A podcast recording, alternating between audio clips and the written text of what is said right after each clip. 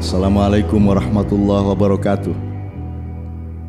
Salah satu kepandaian yang tercanggih dari manusia-manusia modern adalah melakukan jual beli. Banyak orang modern yang membayarkan kerja keras untuk membeli gaji, kenaikan pangkat atau jabatan, serta untuk mendapatkan pujian. Kerja keras diposisikan sebagai alat, sedangkan gaji, kenaikan pangkat jabatan dan pujian dijadikan tujuan.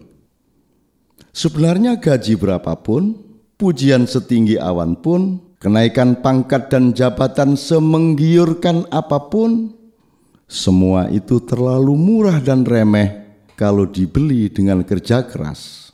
Karena kerja keras, tingkat harganya amat sangat mahal dan bahkan tidak terukur oleh parameter materi dan budaya sedahsyat apa pun.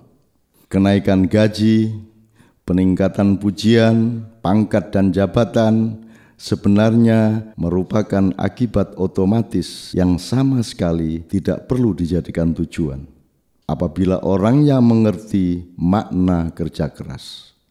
Apabila orangnya memahami nilai yang sejati dari kerja keras, apabila orangnya menghayati rahasia-rahasia berkah yang dikandung oleh kerja keras, maka pemahaman terhadap ihsan menjadi sumur untuk menimba rahasia nilai-nilai kerja keras yang sejati.